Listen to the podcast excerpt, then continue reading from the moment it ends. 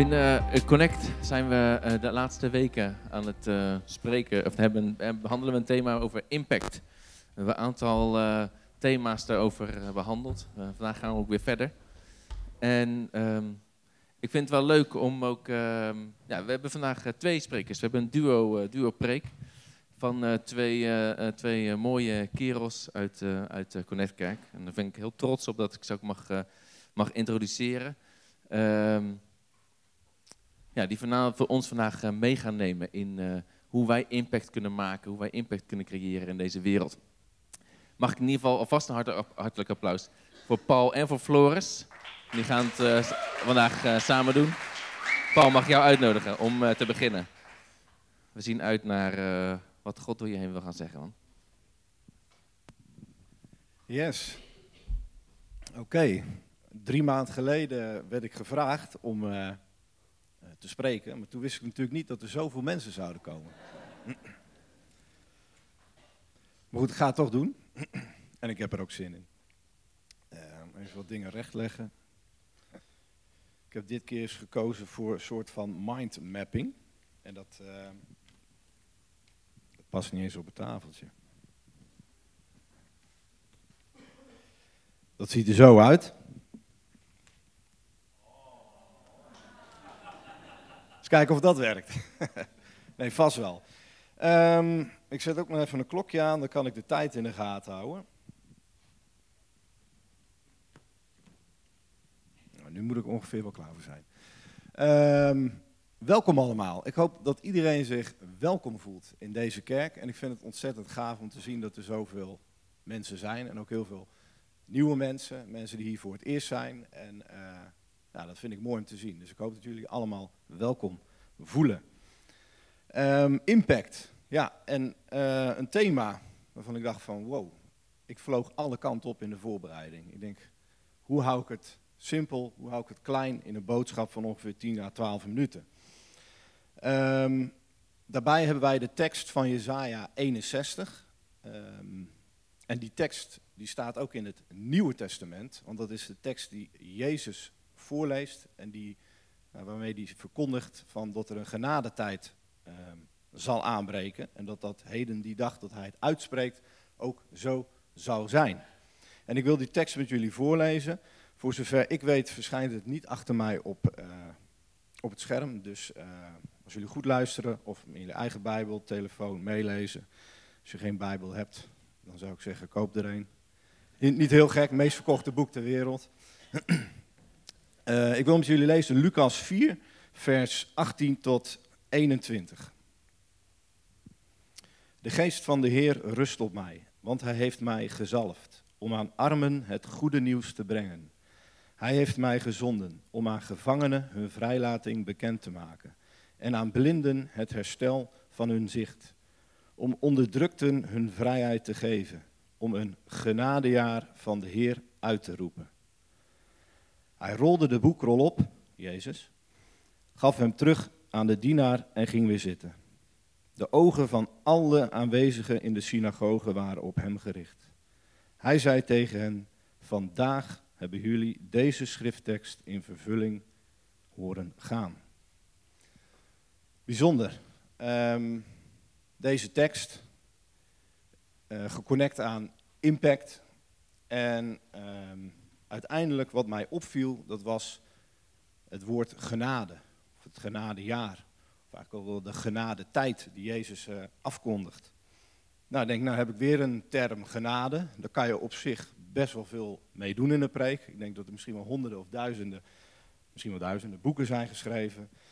Maar ik wil het hebben met jullie over genade als onderdeel van jouw leven. Hoe jij, hoe jullie, hoe u in het leven staat. En ja, hoe genade bij jullie een plek mag hebben en hoe je dat mag uitdelen aan de mensen om je heen. En genade is eigenlijk heel uniek. Als je even snel kijkt naar de andere drie grote godsdiensten, dacht ik van ja, als we de islam nemen, dat zijn de vijf zuilen van de islam. Dat is uh, de beleidenis, dat Allah God is en dat Mohammed zijn profeet is. Dat is je het dagelijks gebed, dat is aalmoezen geven, dat is de Ramadan uh, doen. En het is ooit één keer in je leven naar ehm, Mekka gaan, de Hajj. En als je dat allemaal vol, ja, volbracht hebt, dan is het aan het eind van het leven een soort weegschaal waarin je mag hopen of je dan wordt aangenomen door God. Nou, dan hebben we bijvoorbeeld het boeddhisme. Het boeddhisme, dat, hè, het achtvoudige pad tot verlichting, dat is mediteren. Misschien wil je bijna suf mediteren om uiteindelijk op te gaan in verlichting. Maar dat is allemaal, je moet zelf iets eigenlijk voor elkaar boksen. Je moet zelf iets presteren. Je moet zelf volledig aan de bak. Op zich is daar niks mis mee. Alleen het is wezenlijk anders dan het christelijk geloof. En het hindoeïsme, en er zijn natuurlijk nog veel meer godsdiensten, maar dat zijn denk ik uh, even de grootste met het, natuurlijk het jodendom uiteraard, uh, wat natuurlijk direct gelinkt is, gelinkt is aan het uh, christendom. Maar het hindoeïsme is eigenlijk, eigenlijk opnieuw reïncarneren, reïncarneren, dat je uiteindelijk nou, zo goed geleefd hebt dat je telkens iets beter reïncarneert en uiteindelijk in het nirvana of iets dergelijks. Ik weet er ook niet heel veel vanaf, maar dat je dan mag hopen dat je goed terechtkomt voor eeuwig waarschijnlijk. En dan hey, daar tegenover staat Jezus. En Jezus die zegt niet van, uiteindelijk hij zegt wel, hè, doe dit, hij heeft ze geboden, maar de basis is genade. Genade is de basis. Zonder genade, nou dan, dan zouden we allemaal volledig falen. En wat ik mooi vind is dat, ehm, en daar, daar wil ik eigenlijk naartoe, dat je ziet in de houding, de manier van leven, hoe Jezus was, hoe Jezus is, dat die genade ook naar zondaren van hem, uh, van hem afstraalt. En ehm, als we dan lezen in Lucas 19, vers 10, dan vind ik zo mooi dat er staat dat um, de mensenzoon uh, even kijken of het goed is. Ja, de mensenzoon is gekomen om te roepen en te redden wat verloren was. Weet je, Jezus was op een reddingsmissie. Jezus betekent ook God red. Jezus kwam als redder van deze wereld. Hij is niet gekomen als rechter. Hij gaat zeker als rechter opnieuw terugkomen, maar hij is gekomen als redder. En dat is een heel belangrijk uh, ja, om te beseffen.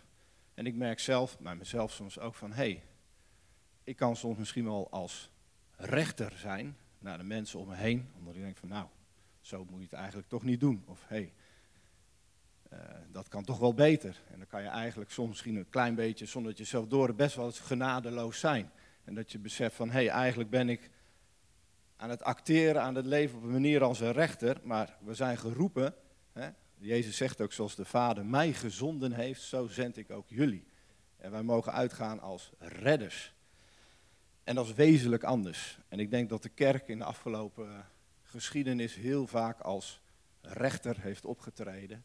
En dat veel mensen eigenlijk ja, teleurgesteld zijn in de kerk, omdat ze te horen krijgen van dit moet je doen, je moet hieraan voldoen. Dat de lat misschien zo hoog gelegd is dat ze het eigenlijk eerder zien als een, als een soort rechtbank. Terwijl wij als kerk eerder, denk ik, een voedselbank mogen zijn. Wij mogen uitdelen om niet. Wij mogen een voedselbank zijn waar iedereen welkom is. En ik hoop dat wij als kerk zo zijn, dat iedereen die, ja, die, dat iedereen hier welkom is. En dat je niet eerst heel veel hoeft te presteren, dat je eerst je leven helemaal keurig op orde moet hebben. En dat je dan denkt van nou, nu kan ik misschien eens die kerk, het hoeft helemaal niet deze kerk te zijn, maar dan kan ik misschien eens die kerk uh, binnenlopen. Dat, uh, dat zie je ook, hè? Jezus die, die zegt ook, komt allen tot mij die vermoeid en belast zijn. En ik vind dat zo mooi, dat hè, soms, ja, misschien beseffen wij niet, dat hij iedereen, ook vandaag de dag, dat hij iedereen roept. Iedereen. Goed tot slecht. Iedereen is geroepen om te komen. Het evangelie is goed nieuws voor deze wereld.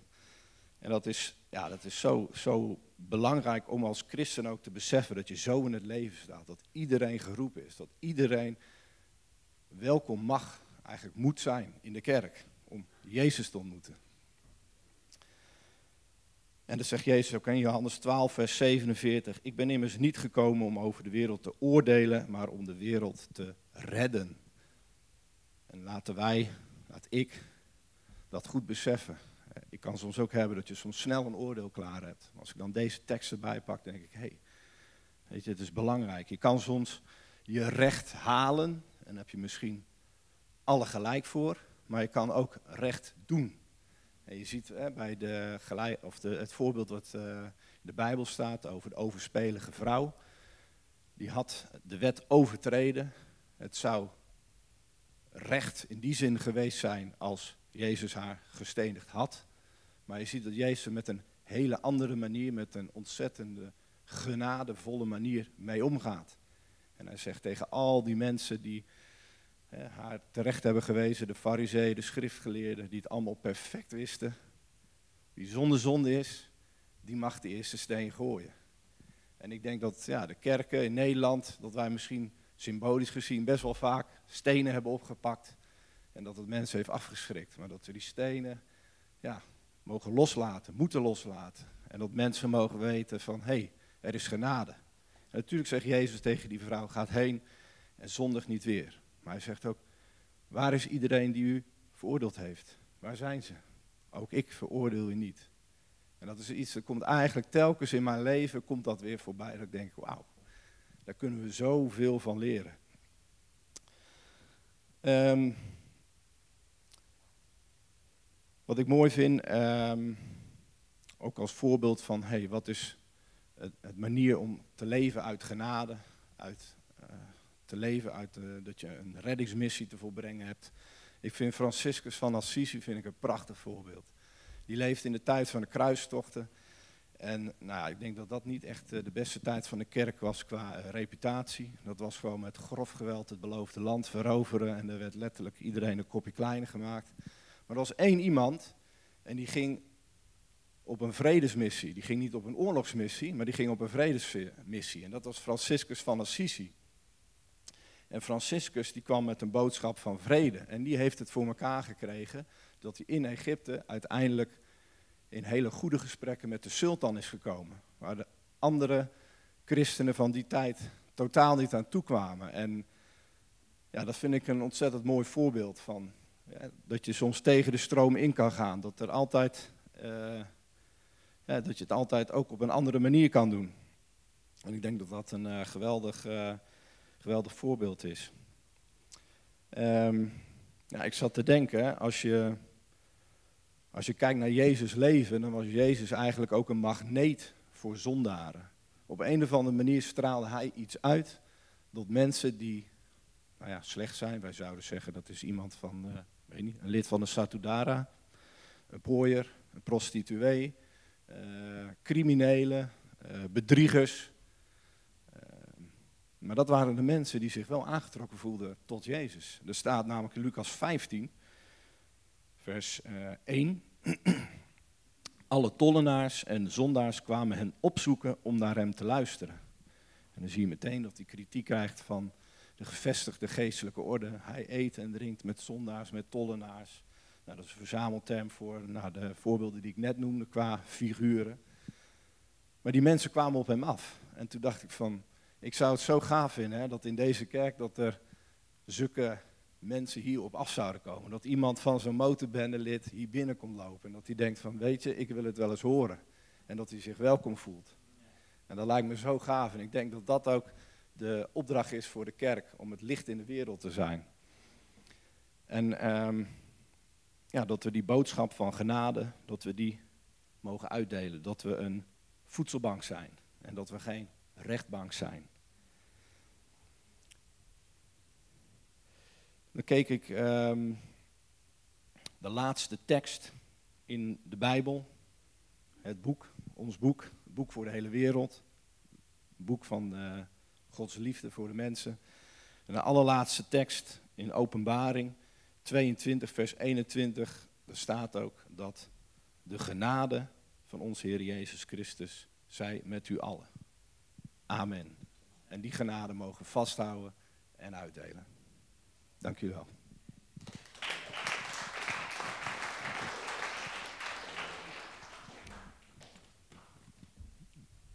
Zo, ik heb iets minder mee. Gewoon mijn telefoon. Geen mindmap ook, gewoon uh, woordjes. ik, uh, ik zou me even voorstellen, ik ben uh, Floris. Eh, samen met mijn vrouw Iris eh, kom ik hier al bijna vier jaar, denk ik.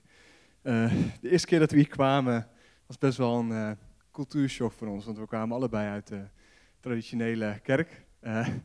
Dus handje omhoog en zo, dat, dat wist ik nog allemaal niet. Maar we voelden ons wel erg thuis en we ja, zijn ook gebleven omdat we echt hielden van hoe de Conne- Connect Act zijn ding deed. En ja, was wel gewoon mooi. We zijn dus hier gebleven en vorig jaar zijn we naar eh, Engeland toe gegaan voor een jaar bijbelschool. Eh, we wilden graag bijbelschool gaan doen en toen zeiden Oscar en Heidi, eh, ga naar Engeland, want daar zijn we ook geweest. Er is een hele mooie kerk daar en dan kan je gratis kan je bijbelschool gaan doen. Hoef je, we hadden ook niet echt veel ge- gespaard, dus eh, dat was heel fijn.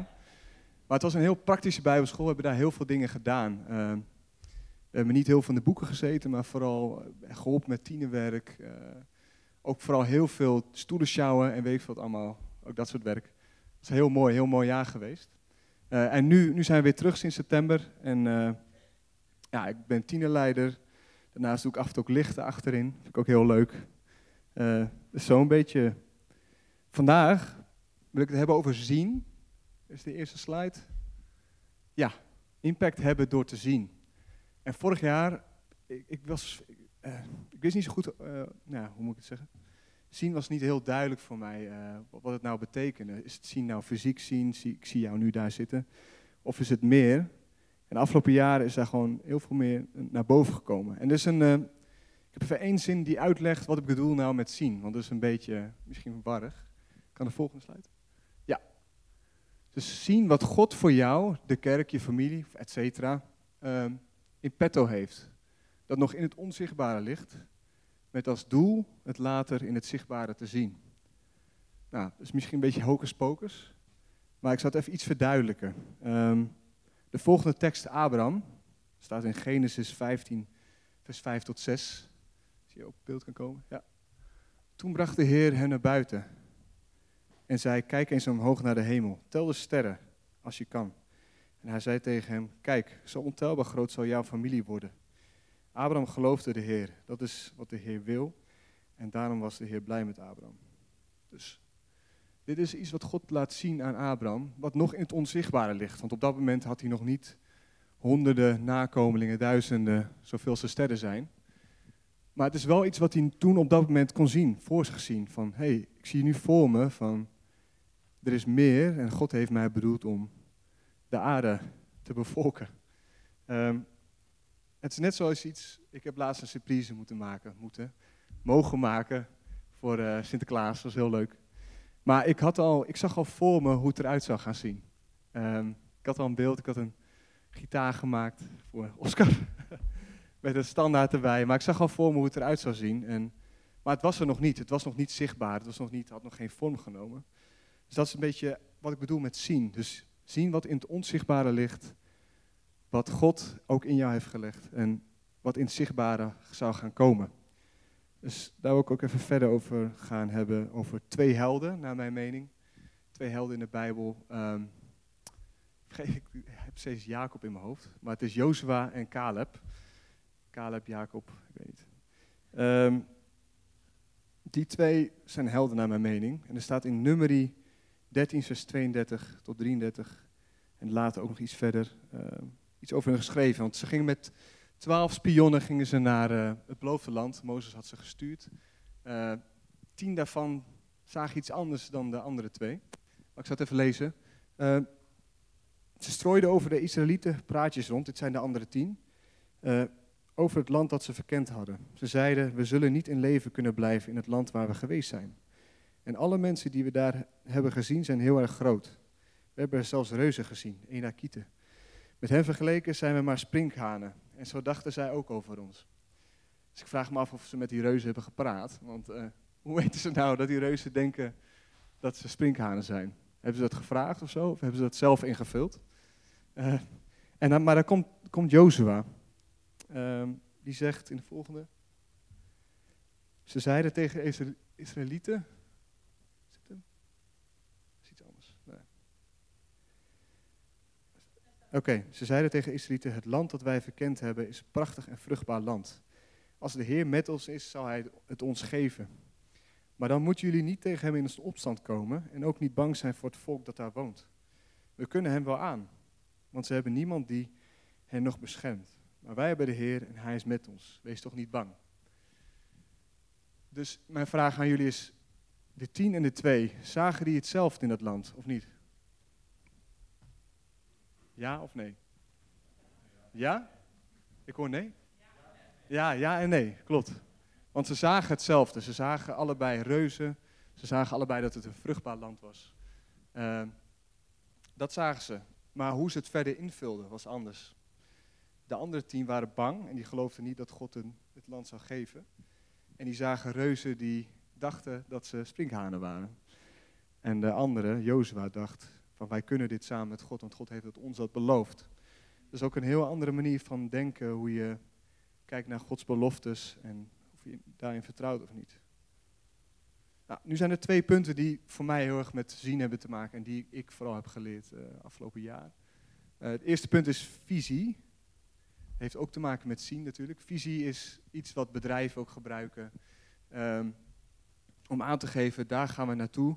Dat zien we voor ons, zoals Nike of andere grote bedrijven hebben dat ook gebruikt om groot te groeien, om iedereen ja, in eenheid naast elkaar te krijgen en uh, voor iets te laten gaan.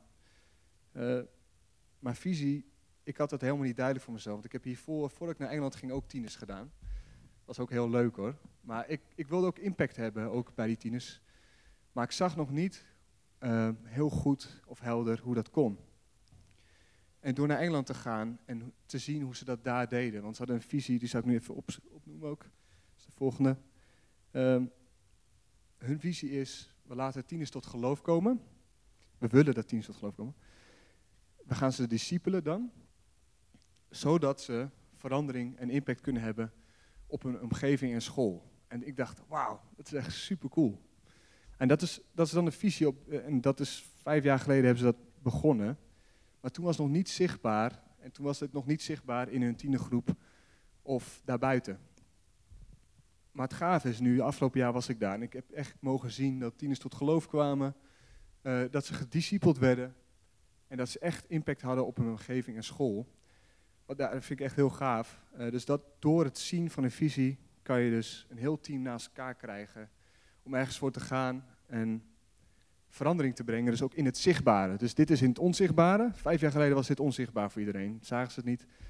Nu is het zichtbaar, want bijvoorbeeld er zijn ook tieners die daar, uh, noemen ze bij de gate, dan gaan ze bij het hek staan van school en dan gaan ze voor de school bidden. En dan komen ook steeds meer mensen bij en dan doen ze dan elke woensdag, deden ze dat daar ook. Maar dat zijn dingen zo impact hebben op hun scholen. Of ze gingen bijvoorbeeld, uh, Revolution Tour heet dat, gaan ze langs scholen in één week en er deden ook allemaal tieners aan mee. Uh, een soort van anti-bullying, uh, hoe noem je dat? Ja, anti-pesten project. Ja. Dus dat was echt heel gaaf om te zien. Dus ik ben helemaal aangestoken daardoor en ik kon het ook hierheen meenemen. Maar hoe, hoe gaan we dat bij onze tieners doen en hoe gaan we dat ook zichtbaar laten worden? Want het is misschien nu nog onzichtbaar, maar hoe gaan wij impact hebben met onze tieners en verder? Dus dat heeft ook weer te maken met zien. Want ik zie het voor me. Ik zie voor me dat onze tieners tot geloof gaan komen. En dat ze impact gaan hebben op een school, op hun vrienden om hen heen. Dat zie ik voor me. Het tweede ding is, uh, wat ook met zien te maken heeft, is hoop. Voor mij, voor mij is, heeft het te maken met zien. Er zijn zoveel dingen die met zien te maken hebben. Um, in Engeland ook weer, ook weer in Engeland, had ik een getuigenis gegeven op video. Sommigen hebben het misschien hier gezien. Um, ik was als tiener was ik heel erg bang in het donker, heel angstig. Zover dat ik, dat had ik een paar jaar, dat ik paniekaanvallen kreeg. Uh, gewoon op school ook. Dus dat ik even niet meer wist wat ik met mezelf aan moest. Ik verloor allemaal vrienden en dat soort dingen. En dat had ik dus verteld uh, in Engeland, dat dat gebeurd was aan onze groep met interns, de groep waarmee we samen bijbelschool deden. Uh, en die, die vonden dat zo mooi, want ik was daar uitgekomen met God samen. En die wilden dus dat op video gaan zetten. En dat hebben ze op Facebook gezet. En dat is op een avond bij studenten en jongvolwassenen hebben ze dat laten zien. Uh, dat filmpje. En nadat dat klaar was, die dienst met die jongvolwassenen, kwam er een meisje huilend naar me toe. En die zegt, dit is de eerste keer dat ik iemand anders hoor die precies hetzelfde heeft meegemaakt als ik. En maar die eruit is gekomen. Want ik zit er zelf nog in vast. En dat ik was echt helemaal in shock van wauw. Ik wist niet dat, want ik, ik had die video opgenomen. Ik dacht, ah, het zou niet heel veel invloed hebben op mensen, zou niet heel veel doen, niet veel kracht hebben.